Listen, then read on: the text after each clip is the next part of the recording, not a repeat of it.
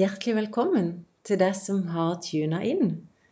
Tilbake til deg er en podkast om åssen du kan bryte deg ut fra stress, skam, følelsen av å være overvelda og aldri god nok, til å leve det livet du elsker, med den energien og det motet og den sunne egenomsorgen som vi alle ønsker oss. Jeg heter Cecilie Egeland, og jeg har lagd denne podkasten etter hva jeg sjøl hadde ønska jeg hadde og visste før og gjennom min lange reise fra mange år med veldig lav selvfølelse, veldig høyt stressnivå, en sånn fryktelig streng og slem selvsnakking, masse skam og frykt for å skuffe andre, til et liv som jeg nå er skikkelig glad for at jeg har og lever i. Podden den skal fylles med fakta, andres sine historier og mine historier, innspill og forståelse. Det skal være masse empati og nye perspektiver. Og målet er å få deg litt nærmere den du egentlig er. Etter å ha jobba som coach og veileder i over 15 år, så er det ingen tvil om at vi er mange som bruker enormt med energi på å leve opp til noen ganske umulige krav som vi har satt for oss sjøl. Og det var ikke før jeg dykka ned i disse kravene, som er sånne indre Nå lager jeg gåsetegn. Indre sannheter om åssen jeg burde liksom være og forska på hvorfor jeg hadde disse sannhetene, både bevisst og ubevisst, at jeg kom meg videre. Og det skal vi snakke masse om i denne poden. Og vi går denne veien sammen, du og jeg. Fra de historiene og sannhetene som du har lagd om åssen du burde være, tilbake til den virkelige deg. Tilbake til deg med alle styrker og talenter og feil og rariteter, den, faktisk, den som faktisk er grunnen til at de rette folkene er glad i deg. For det er der friheten og styrken og lykken og utviklinga og kreativiteten og motet ditt bor. Det er der vi vil være vi skal finne tilbake til deg. I dag skal vi snakke mest om det som i en eller annen form preger oss mest om dagene, nemlig stress. Hva det egentlig er, hvorfor vi blir stressa, åssen preger det oss, og åssen vi håndterer det. Og selvfølgelig tips kommer. Tips til hvordan vi får et sunnere forhold til stress.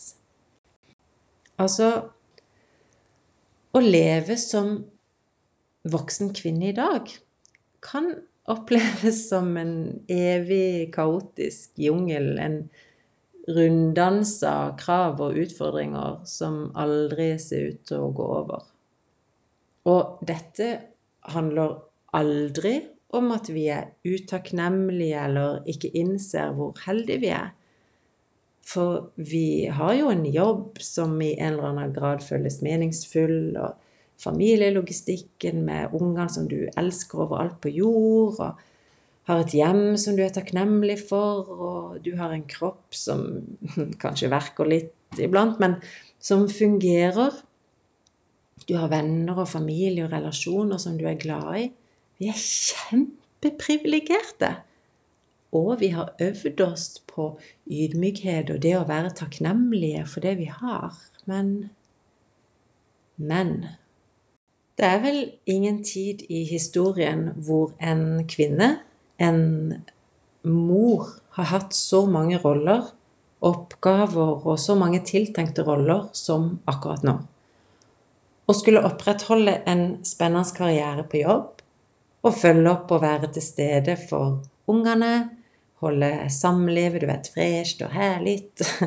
Ha overskudd til gøye venninner, ha et besøksvennlig hus, sette sunn og fargerikt mat på bordet, ikke skuffe foreldre som ønsker besøk eller hjelp, se til at alle har rent gymmetøy og kommer seg på treninger og bursdager og har alt de trenger til klasseturen, og huske at fintøyet fra sist er for smått nå.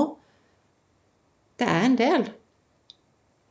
Ingen generasjon kvinner har noen gang hatt så mange oppgaver og så mye ansvar. Og i tillegg så er alle så jækla lekre og gøye og har så overskudd på Instagram og i alle kanaler. Jeg vet at jeg sier det åpenbare her, men som den kloke Brendan Bushard sier Common knowledge isn't always common practice. Jeg tror vi lever så inni hodene våre, i stresset vårt, i kaoset vårt, at vi ikke får perspektivet som vi trenger til å virkelig se hvor mye vi faktisk har å forholde oss til. Jeg sier det igjen. Ingen generasjon kvinner har noen gang hatt så store og forskjellige ansvarsområder, så mange oppgaver eller så mange ulike typer krav som vi har nå.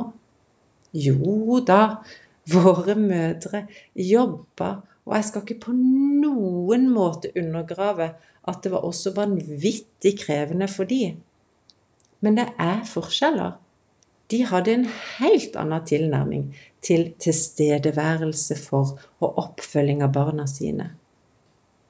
De så en og annen plakat langs med veien, ikke sosiale medier som stadig og i alle kanaler 24-7 påminner om åssen vi skulle se ut og være og prestere og takle og tåle.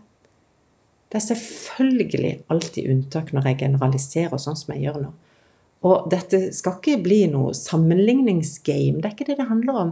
Og for all del ikke sutring. Men det er nødvendig å si. For vi må huske på det og anerkjenne hvor mye du faktisk står i. Jeg sier det igjen. Vi må anerkjenne hva du faktisk står i.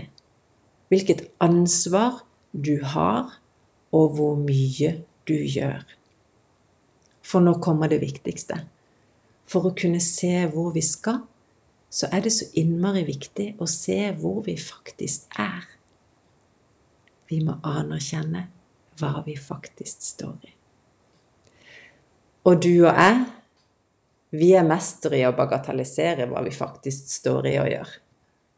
For det at alle andre klarer det jo. Herregud, det er jo bare middag. Alle har jo en jobb. Alle får jo trent noen ganger i uka. Alle får jo familien på skogstur i helga. Alle har jo råd til å dra på ferie. Alle har det jo ryddigere enn det her hjemme. Det er jo bare å Jeg burde jo klare å Burde, burde, burde. Og alt dette kverner mens du kjenner på vondter i kroppen, kanskje litt slitenhet, kanskje litt irritasjon her og der, kanskje litt hodepine kommer snikende, den der vonde, stive nakken, kanskje det er litt stivt i leddene. Og så er det en sånn trøtthet som du ikke helt skjønner hvor kommer fra. Og så blir du streng med deg sjøl for det også. At ting går saktere fordi du ikke er så energisk som du pleide å være.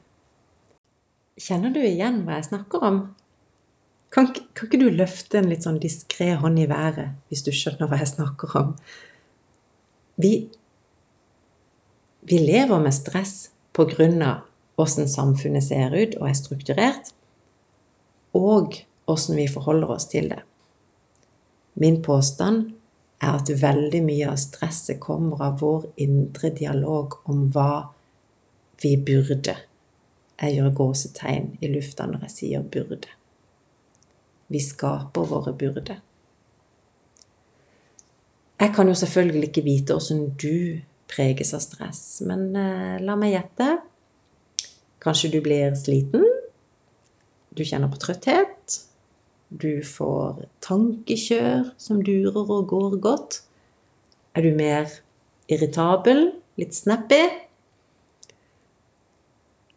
Jeg syns det er fascinerende og trist å observere både meg sjøl og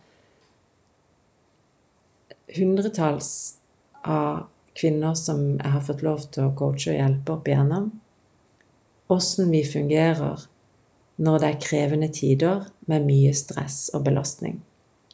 Når vi er overvelda. Det er som når vi virkelig skulle behøvd å ta vare på oss sjøl, at vi gjør det minst. Skjønner du? Som at når båten er på vei å synke, så er det det første vi kaster over bord, er det som virkelig kunne prøvd å kunne, liksom, Det vi virkelig kunne behøvd for å redde oss.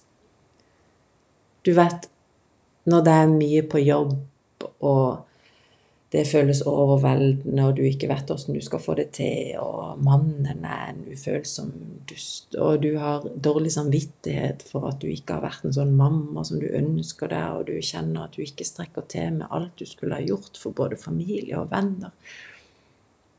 Du vet. Du vet hva jeg snakker om. Det er bare mye. Og det kverner, og du kjenner i hele deg at du strekker ikke til. Det er for mye å ta tak i, og du vet ikke hvor du skal begynne. Jeg har to spørsmål til deg, og det første kommer her. Hva gjør du da? Altså, hva er typiske ting å gjøre og tenke for deg når du står i mye? Mens du tenker på det, så kan jeg fortelle hva jeg har gjort. Det er at når det har vært mye og føltes overveldende, så har jeg blitt enda strengere med meg sjøl. Jeg har vært skuffa og skamfull over liksom manglende evne til å innfri. Jeg har vært flau på jobb hvis jeg ikke har prestert som jeg ville. Jeg har hatt så vanvittig dårlig samvittighet og kjefta på meg sjøl for å være en elendig mor gjennom, gjennom hele dagen hvis jeg f.eks. har stressa unødvendig og, og, vært streng med ungene på morgenen. Jeg har kjefta på meg sjøl for at jeg ikke har orka komme på trening denne uka heller, men i stedet fant fram denne karamellisen og Netflix på kvelden. Jeg skammer meg over alt rotet og ja, krisemaksimerer det jeg ikke lykkes med. Er det noe du kan kjenne deg igjen i? I så fall er mitt andre spørsmål til deg Åssen ville du snakka til din beste venninne når hun forteller deg om dette? Hvis hun forteller deg at hun har det sånn, hva syns du at hun fortjener? Fortjener hun den selvpiskinga og skamfølelsen og den der evige interne talen om at hun bør skjerpe seg? Eller? Jeg vet at du skjønner poenget mitt, men jeg sier det igjen. Dette er jo ikke noe news, men Common knowledge isn't always common practice. Og det er formidabelt og utrolig trist og vilt å se åssen vi, egentlig alle sammen som strever med stress og overveldelse, behandler oss sjøl på en måte som vi aldri ville drømt om å gjøre med noen andre. Det er verdt å tenke over, lenge og mange ganger, og reflektere rundt hvorfor det er sånn. For hva har du gjort som fortjener den behandlinga der. Ok, jeg skjønner at dette blir litt heavy. Men jeg er en introvert eh, person, så jeg kan ikke disse greiene med sånn lett smalltalk. Så da blir det rett i the real shit med en gang. Bare spør de få vennene jeg har. Det er sånn det blir. Men så, så når jeg spør hva har du gjort som fortjener den behandlinga der? Så er svaret sannsynligvis ikke noen verdens ting. Sannsynligvis heller det motsatte. Sannsynligvis du har stort sett bare vært ute etter å være så snill og behagelig og medgjørlig og elskelig du har kunnet hele livet. Og feilene du har gjort, for du har gjort feil, de har du gjort fordi du er et menneske, ikke fordi det er noe galt med deg.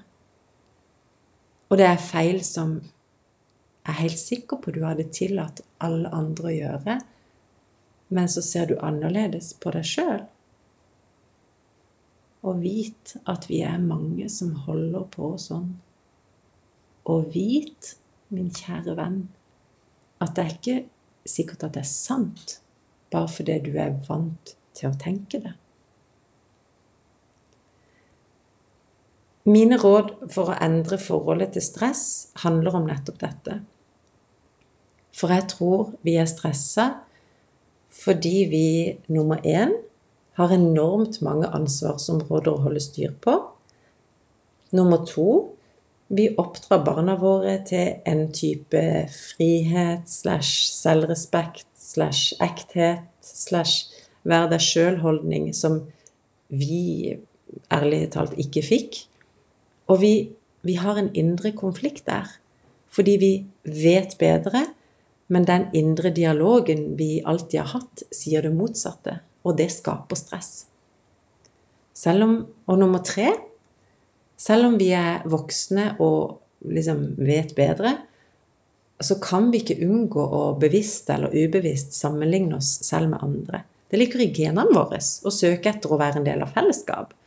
Så hver dag når vi pumpes fulle av herlige og vakre og forskuddsfulle, arrangerte øyeblikksbilder, som hjernen vår tolker som realitet og uoppnåelig for oss, så skaper det stress. So, the advice for you, my friend Råd nummer én. Vær så snill, jobb med å gå fra å bagatellisere alt du gjør, til å gi deg sjøl anerkjennelse for hvor mange områder du opererer i hver eneste dag. Ingen generasjon før deg har gjort det. Du er en fuckings rockstar som klarer alt du gjør. Øv deg på å klappe deg på skuldra for alt du gjør. Og når du tar deg sjøl i å kjefte på deg selv, så forsøk å se hvordan det hadde føltes om du sa det samme til din beste venn. Om det gjør vondt i maven å kjenne på det, så vet du at du heller ikke fortjener de ordene. Råd nummer to. Stress kommer når vi går imot våre egne verdier, gjør de det vi liksom burde, istedenfor det vi egentlig vil. Og en effektiv måte å tørre å velge egne veier, er å bruke barna. Du vet at ungene dine gjør ikke som du sier, de gjør som du gjør. Den her er litt røff, men du er deres viktigste rollemodell også når de er større. Bruk det. Bruk de som fuel når du står i noe tøft. Åssen skulle du ønske at dine unger håndterte det som du står i nå? Hva skulle de ha tenkt? Hva skulle de ha gjort? Hva skulle de ha prioritert? På hvilken måte skulle de vært modige? Gjør det. Vær de sitt forbilde, uansett om de vet det eller ikke der og da. Råd nummer tre rens opp i sosiale medier-feeden din. Avfølg alle som får deg til å føle deg dårlig eller mindre verdt. Det er helt ok å føle på dette sjøl om du er voksen. Det er ikke noe du liksom vokser av deg på et blunk. Det er en del av genene dine å søke fellesskap og tilhørighet og da, da er sammenligning en viktig del av den prosessen. Og du får også lov til å la være å oppsøke mennesker in real life som ikke gjør at du føler deg bra. Det er meninga at de menneskene som du velger inn i livet ditt, skal være der fordi de digger deg for den du er. Ikke for en sånn polert og anstrengt versjon som du helt sikkert kan opprettholde. Velg de gode folkene. Yes. Så når du innser hvor mye du faktisk gjør, i stedet for å kjefte på deg sjøl der du syns du ikke når opp, når du velger det du egentlig vil i stedet for burde, når du er bevisst hvem du henger med, både digitalt og in real life, Da har du tatt noen enormt viktige valg som vil bidra til å dempe stresset og endre innstillinga di til åssen du bruker energien din. Dette skulle jeg ønske at jeg visste og forsto, liksom, for 20 år siden. Og det hadde spart meg for en hel masse pain. Men jeg er inderlig glad at jeg forstår det og ser det og implementerer det nå, og at jeg kan fortelle det videre til deg. Det var det. Jeg vil takke deg så mye for at du ble med meg helt til slutten av denne aller første Le Première-episoden av Tilbake til deg. Ga det verdi til deg, så vil det helt sikkert gjøre det for noen andre også. Og da kan du dele denne ved å ta en screenshot på telefonen og dele på Insta eller der du er. Til gode folk som trenger en boost og en påminnelse om hvor mye de faktisk står i, og behøver å være snillere med seg sjøl. Og så kan du stille spørsmål eller kommentere hva du tar med deg fra episoden min. Og jeg er på Insta. På Cecilie Egeland. Jeg svarer alltid. Og har du forslag til tema for podden, så blir jeg glad, for jeg vet at hvis det er viktig for deg, så vil det garantert være det for andre også. Neste episode kommer om en uke, og jeg gleder meg allerede. Tusen takk for at du lytta.